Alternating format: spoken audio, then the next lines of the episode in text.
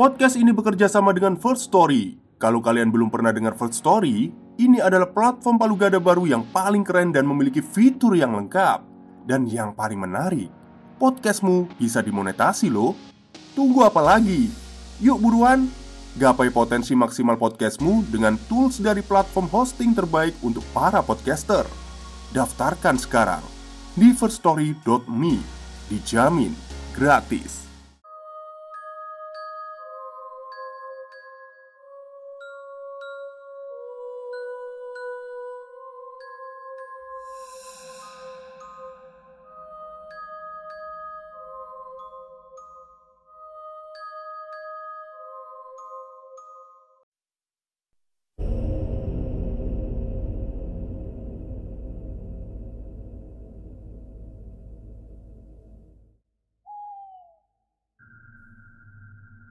Assalamualaikum warahmatullahi wabarakatuh. Halo semuanya Jumpa lagi dengan saya Chow Sing Sing Kurator dari podcast Horror Night Story. Halo apa kabar semuanya? Semoga kalian semua sehat-sehat ya.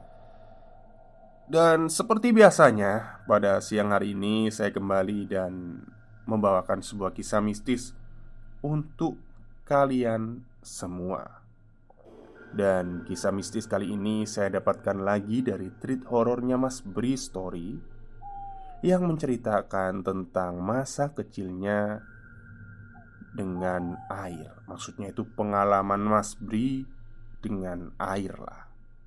Oke, daripada kita berlama-lama Mari kita simak ceritanya Hari ini gue akan menceritakan tentang Bri kecil lagi.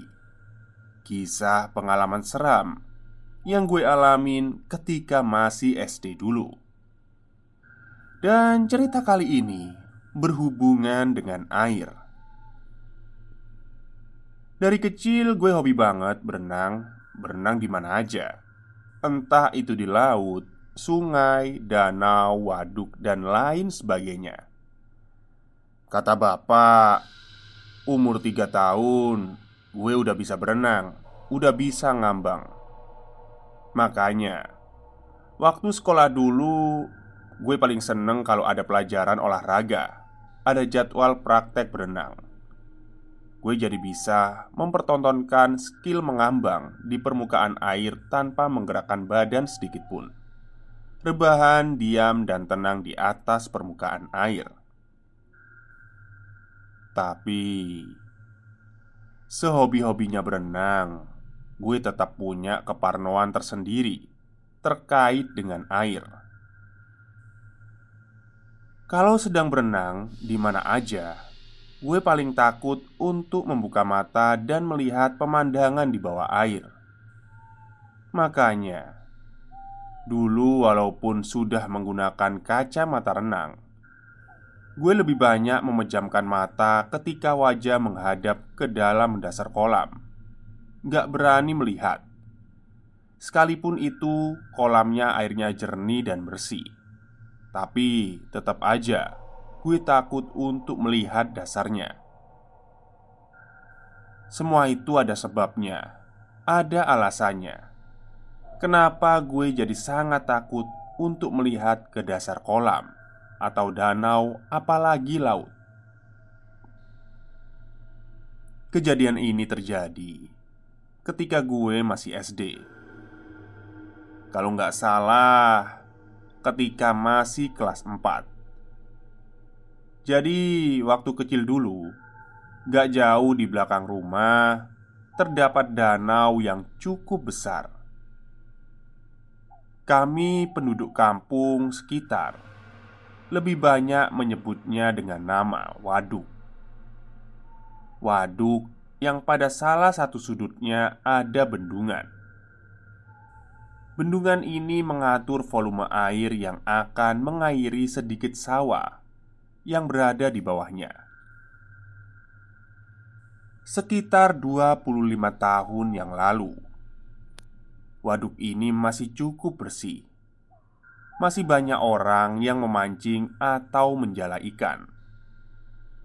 Keadaan lingkungan sekitar pun masih sangat sepi.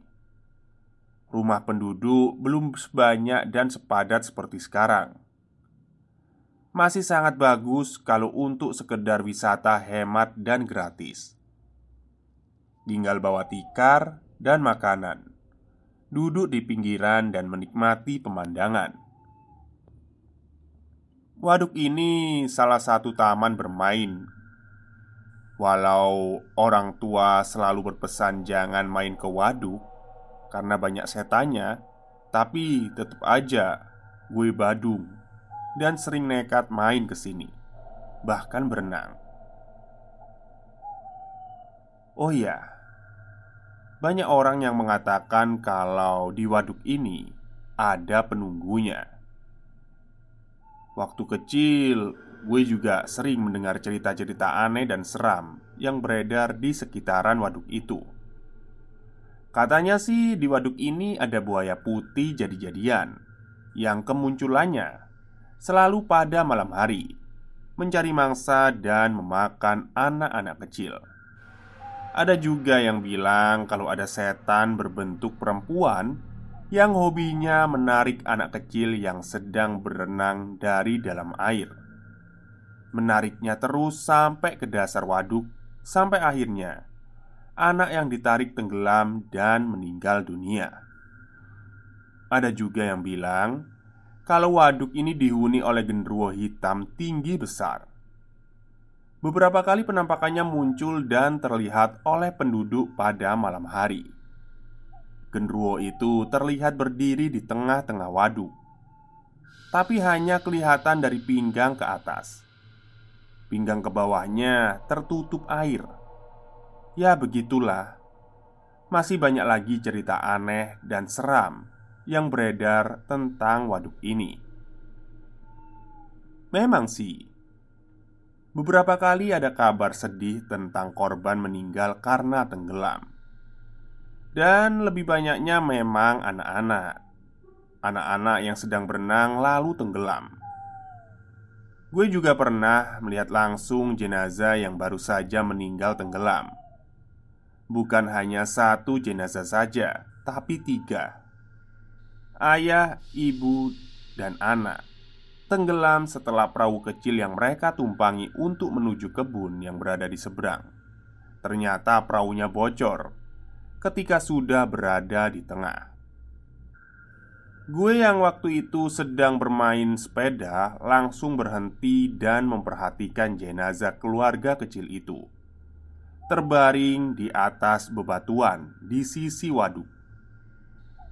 Setelah baru saja ditemukan tenggelam, saat itulah pertama kalinya gue ngelihat langsung jenazah yang baru saja meninggal. Bayangan wajah dan keadaan tubuhnya yang sudah pucat membekas lama di dalam kepala. Gue cukup trauma waktu itu. Oke, kita balik lagi ke cerita-cerita seram yang beredar. Buaya putih. Dari kecil sampai detik ini, gue sama sekali belum pernah melihatnya. Apalagi genderuwo dan setan perempuan berambut panjang yang suka menarik anak kecil dari dalam air. Pada suatu hari, sepulang sekolah, gue langsung menyiapkan alat pancing Ya, gue bareng Ali dan Yosep punya rencana untuk pergi memancing di waduk. Jarak waduk dari rumah sekitar 15 menitan bersepeda. Gak jauh emang. Mau mancing di mana, Nak? Tanya ibuku dari balik meja mesin jahitnya Ketika melihat gue sibuk dengan alat pancing Mancing di sawah belakang, mah Jawabku kamu jangan main ke waduk lo ya, bahaya, banyak setannya. Sekali lagi ibu mengeluarkan kalimat itu. Waduk tempat yang berbahaya, banyak setannya. Tapi aku gak peduli. Aku bohong dan tetap berangkat mancing ke waduk dengan Ali dan Yosep. Karena kami mendengar kabar kalau di situ sedang banyak ikan-ikan besar. Setelah semuanya siap, Sekitar jam 2 siang kami pun berangkat dengan menggunakan sepeda masing-masing. Kami menuju ke belakang kampung, tempat di mana waduk berada. Singkat cerita, kami sampai di tujuan. Sengaja mencari spot memancing yang sangat sepi, tepat di belakang kebun kosong yang penuh semak belukar. Di atas rerumputan, kami duduk mempersiapkan alat pancing. Sebelumnya, Ali dan Yosef sudah mencari dan menyiapkan cacing sebagai umpan. Siang menjelang sore, seperti biasanya, cuaca di musim kemarau yang panasnya menyengat, sinar matahari langsung seperti membakar kulit tanpa permisi. Biasanya kami langsung hitam legam setelah kegiatan ini. Angin berhembus pelan, menggerakkan permukaan air waduk yang gak terlalu jernih menjadi gelombang-gelombang kecil hilir mudik yang gak tentu arahnya. Kami duduk menikmati suasananya dengan bersenda gurau. Setengah jam berlalu, jangankan dapat ikan. Pelampung pancing pun gak bergerak sama sekali. Satu jam berlalu masih sama. Nihil hasilnya. Kami mulai gak sabar ketika hari sudah semakin sore. Matahari sudah makin condong ke sisi barat cakrawala Lembayung senja mulai terlihat muncul malu-malu. Ah, sialan. Ternyata nggak ada ikannya. Pulang aja yuk ah. Kata Ali yang sudah sampai di puncak kebosanannya. Iya pulang aja yuk. Timpal Yosep. Tapi Gue malah muncul ide cemerlang. Eh tunggu dulu. Kita berenang aja dulu yuk Sebentar aja Kata gue sambil cengengesan. Eh Sebentar lagi itu maghrib Bri. Bahaya. Takut ah aku.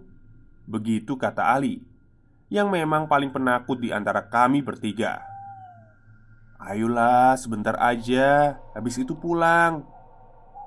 Rayu gue yang sudah buka baju Dan menyisakan celana pendek. Boleh tuh. Yuk ah Sebentar aja kok Kata Yosep setuju. Dia langsung buka baju juga. Ya udah deh, sebentar lo ya Kata Ali dengan terpaksa. Beberapa detik kemudian kami lompat ke air dan berenang dengan riang gembira.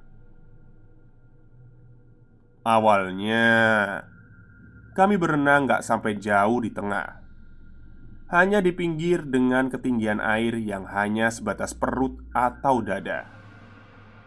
Awalnya seperti itu tapi lama-kelamaan kami seperti tertantang untuk terus berjalan ke tengah Mencari batas sampai di mana kaki dapat menginjak dasar. Sampai di mana kami harus berenang untuk mengambang agar tidak tenggelam. Begitulah Sampai pada akhirnya gue sudah mulai agak sombong dengan mempertontonkan kebiasaan mengambang rebahan di atas permukaan air tanpa bergerak sedikit pun. "Eh, Bri, jangan terlalu ke tengah, di sini aja." Gue masih bisa mendengarkan teriakan Ali dan Yosep yang mengingatkan agar jangan terus bergerak semakin ke tengah.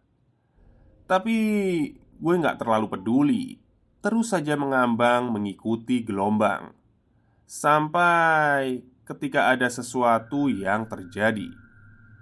Kejadiannya cukup cepat, tapi sangat menyeramkan. Gue yang sedang asyik mengambang, tiba-tiba merasakan ada sesuatu yang menempel di pergelangan kaki kanan. Awalnya gue nggak sadar benda apa itu, tapi hanya beberapa detik karena kemudian secara refleks gue langsung melihat ke arah kaki. Hanya satu atau dua detik Gue akhirnya dapat melihat benda apakah itu Ternyata Ada tangan sedang menggenggam pergelangan kaki gue Tangan putih dan pucat Hanya tangan itu saja yang terlihat Karena pemiliknya berada di bawah permukaan air. Satu atau dua detik kemudian, tangan itu mulai menarik gue ke bawah, menarik tubuh gue untuk masuk ke dalam air. Seketika itu, aku panik. Gue mulai tenggelam masuk ke dalam air. Dalam kepanikan, gue meronta-ronta, coba melepaskan diri dari genggaman tangan itu. Saat itu, gue masih belum melihat bentuk si pemilik tangan. Di samping air waduk yang gak terlalu jernih, gue juga masih gak berani untuk membuka mata lebar-lebar di dalam air. Tapi itu hanya beberapa detik saja, sampai akhirnya tangan itu melepas genggamannya dari pergelangan kaki gue. Seketika itu pula, gue langsung mencoba untuk berenang ke pinggir. Tapi ternyata nggak semudah itu. Tiba-tiba, tangan kiri ada yang memegang dengan erat dan menarik gue kembali ke dalam air. Beberapa detik kemudian, ketika sudah berada di permukaan air, gue nekat untuk membuka mata. Pada saat itulah gue akhirnya dapat melihat sang pemilik tangan Yang sejak tadi terus mencoba menyeret gue ke dalam dasar waduk. Seorang perempuan. Rambut hitam panjang, acak-acakan. Wajahnya pucat, matanya sedikit melotot Dengan lingkar gelap di sekelilingnya. Sangat mengerikan melihat wajahnya di dalam air. Semakin mengerikan lagi ketika dia mulai tersenyum. Tangannya tidak melepaskanku. Gue hanya diam, ketakutan, gak bisa bergerak, dan gak bisa meronta.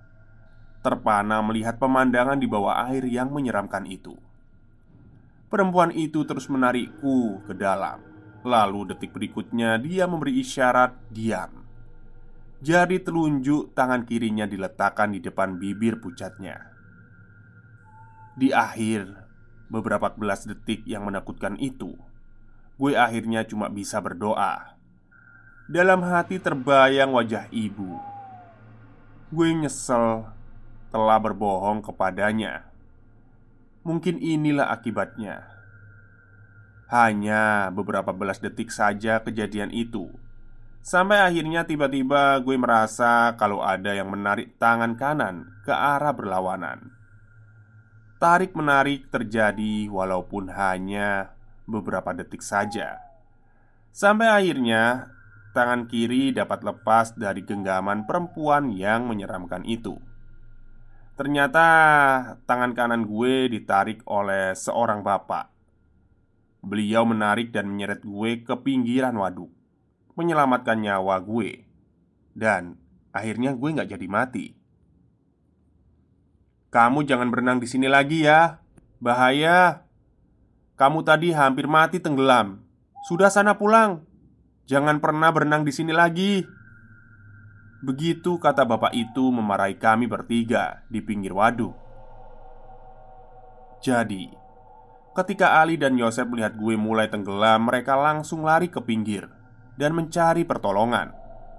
Untungnya nggak jauh dari situ ada seorang bapak yang sedang menggarap kebun. Mereka langsung meminta tolong. Bapak itu lantas berlari menuju TKP. Untungnya lagi Ali bilang mereka masih melihat tangan gue menggapai-gapai di permukaan. Makanya bapak itu langsung berenang menuju di mana ada tangan gue terlihat Lalu menarik gue ke pinggiran Dan selamatlah gue Sungguh, kejadian yang amat mengerikan. Dan sejak saat itu, gue nggak pernah lagi berenang di waduk itu. Untuk memancing pun gue nggak mau, masih trauma. Kisah berikutnya, gue akan cerita tentang satu kolam renang yang menjadi satu-satunya kolam renang umum yang ada di kota masa kecil gue dulu, Cilegon. Sekitar tahun 90-an di Cilegon memang masih cuma punya satu kolam renang Gue nggak tahu pasti kalau sekarang ya mungkin udah lebih dari satu Kolam renang ini letaknya persis di pinggiran lapangan golf di pinggir kota. Tapi walaupun menjadi kolam renang satu-satunya, ternyata ramainya hanya pada akhir pekan saja. Hari lainnya tergolong sepi dan sepi banget malahan. Kolam renang ini memiliki lahan yang luas, lahan yang mengikuti kontur tanah yang menanjak. Waktu gue kecil dulu sudah ada tiga kolam di dalam wilayahnya. Satu kolam besar di bagian atas, satu kolam sedang, dan satu kolam kecil di bagian bawah. Oh, mungkin bertingkat gitu ya. Oke, lanjut. Nah, menurut sejarahnya, kolam pertama yang dibangun adalah dua kolam yang ada di bawah. Kolam besar yang di atas baru dibangun belakangan. Nah, dua kolam renang tua inilah yang akan gue angkat ceritanya. Dua kolam renang, satu agak besar dan satu agak kecil, letaknya bersebelahan. Desainnya masih sangat jadul Dua-duanya membentuk seperti angka delapan Kolam yang lebih besar memiliki tiga tingkat kedalaman satu meter, dua meter, dan tiga meter Sedangkan kolam yang kecil hanya setengah meter saja Memang diperuntukkan bagi anak-anak kecil Di sekitaran kolam ada dua bangunan berbentuk bundar. Di ujung sebelah kiri satu, dan di ujung sebelah kanan ada satu lagi.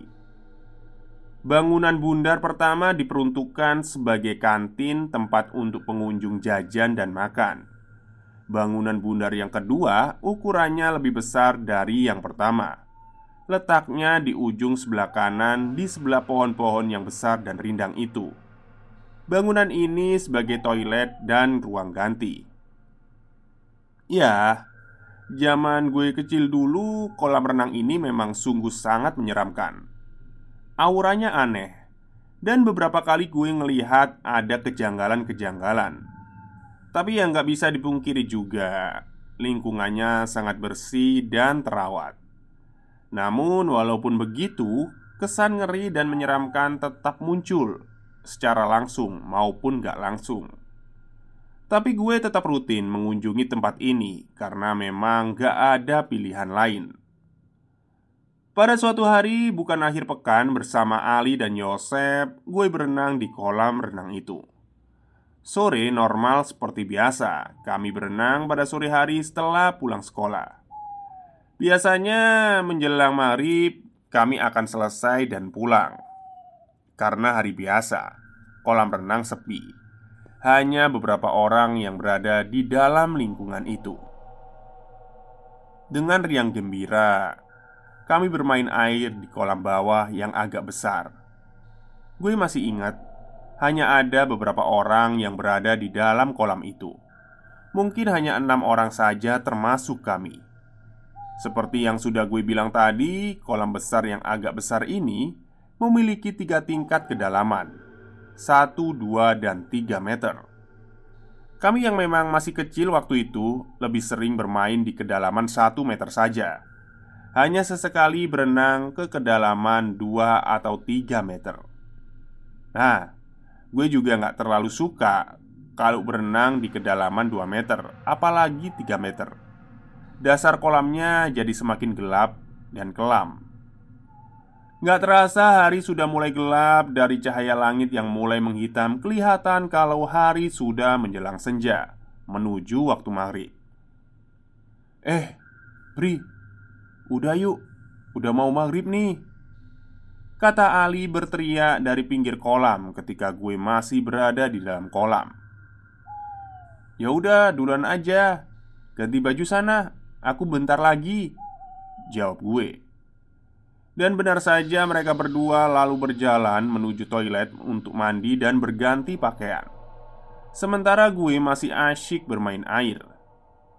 Di kolam besar itu hanya tinggal gue sendirian mengambang di tengah-tengah air Di kedalaman 2 meter Mengambang dengan posisi menghadap ke atas Sekali lagi Gue benar-benar sendirian di kolam itu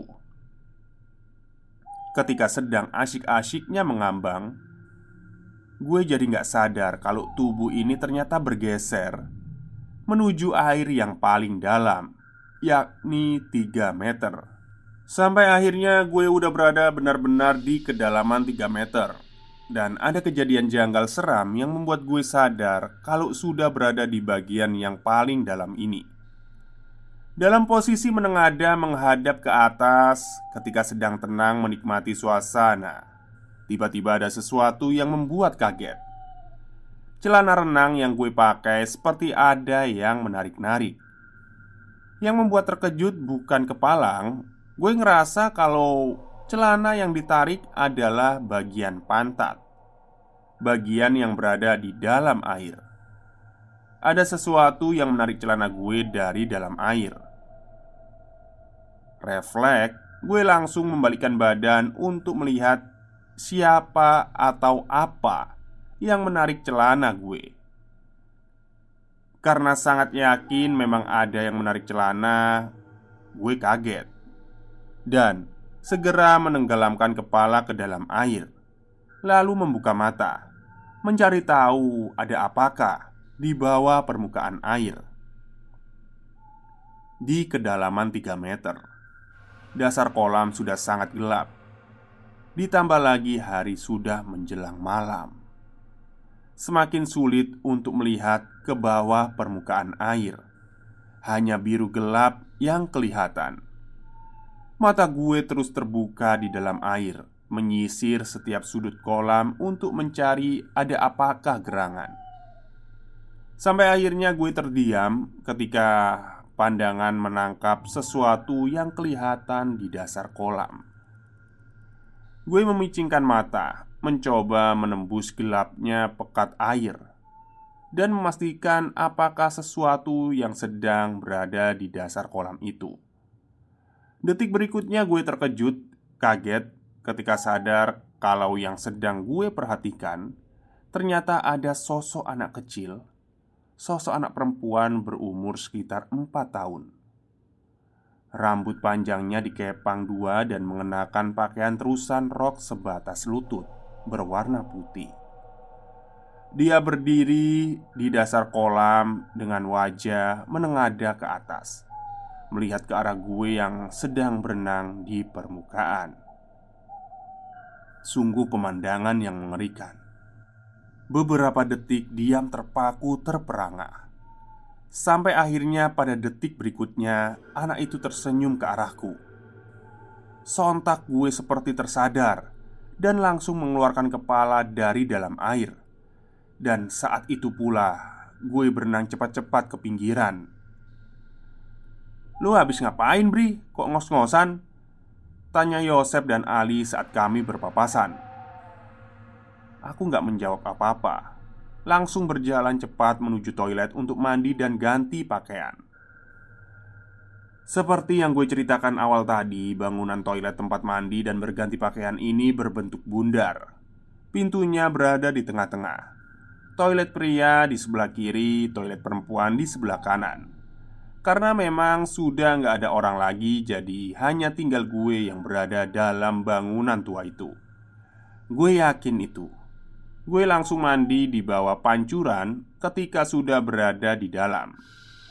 Posisinya barisan keran pancuran berada di depan bilik-bilik tempat berganti baju. Jadi ketika sedang mandi di bawah pancuran air tepat di belakang gue adalah bilik-bilik itu yang waktu itu sudah dalam keadaan kosong. Sendirian di dalam bangunan tua, tentu saja membuat pikiran gue menjadi ke mana-mana. Jadi, pingin buru-buru selesai. Suasana semakin gak enak dan seram. Gak lama-lama gue langsung sambil ambil handuk maksudnya ya Ambil handuk dan bilasan dan berganti pakaian Ketika sedang berganti pakaian inilah ada sesuatu yang terjadi Gue mendengar ada suara tawa cekikikan suara anak kecil dan sangat jelas terdengar. Saat itu pula, karena menyadari kalau sedang sendirian, gue jadi ketakutan dan berniat untuk lari keluar. Tapi ternyata nggak segampang itu, karena tiba-tiba dari sudut mata gue ngelihat ada sesuatu. Di pojok ruangan di bawah pancuran air paling ujung, ada anak kecil perempuan yang fisik dan penampilannya sama persis dengan anak kecil yang gue lihat ada di dasar kolam tadi. Gue yakin itu adalah anak yang sama. Dia memandangku dengan sorot mata tajam, lalu tersenyum. Gue yang merinding ketakutan, perlahan berjalan mundur mendekati pintu keluar. Kami terus bertatapan sampai gue benar-benar sudah melintas garis pintu. Kemudian gue lari dan menghampiri Ali dan Yosef. Sekian cerita untuk kali ini. Semoga minggu depan bisa ketemu lagi pada kisah-kisah gue lainnya. Tetap sehat supaya bisa terus merinding bareng. Salam beri. Oke, itulah cerita lumayan panjang dari Mas Bri Story ya Yang menceritakan tentang masa kecilnya. Ternyata Mas Bri ini suka renang ya orangnya ya Tapi kalau saya nggak bisa. Maksudnya nggak bisa renang. Jadi kalau Merenang itu Dulu bisa ya gaya katak gitu ya. Cuman kayak jalan di tempat Saya pikir jauh ternyata Cuma jalan di tempat saya waktu gaya katak itu Terus masalah memang ada sebagian orang itu kalau melihat bawah air itu kayak takut. Ya itu sebut sebutannya apa ya? Saya lupa itu. Fobia air itu apa ya? Talasfobia mungkin ya. Ya mungkin talasfobia mungkin. Jadi kayak mikir di dalam air itu ada apa ya? Ada buaya atau hiu atau apa. Oke, mungkin itu saja cerita untuk siang hari ini. Semoga kalian semua suka. Selamat siang dan selamat beristirahat.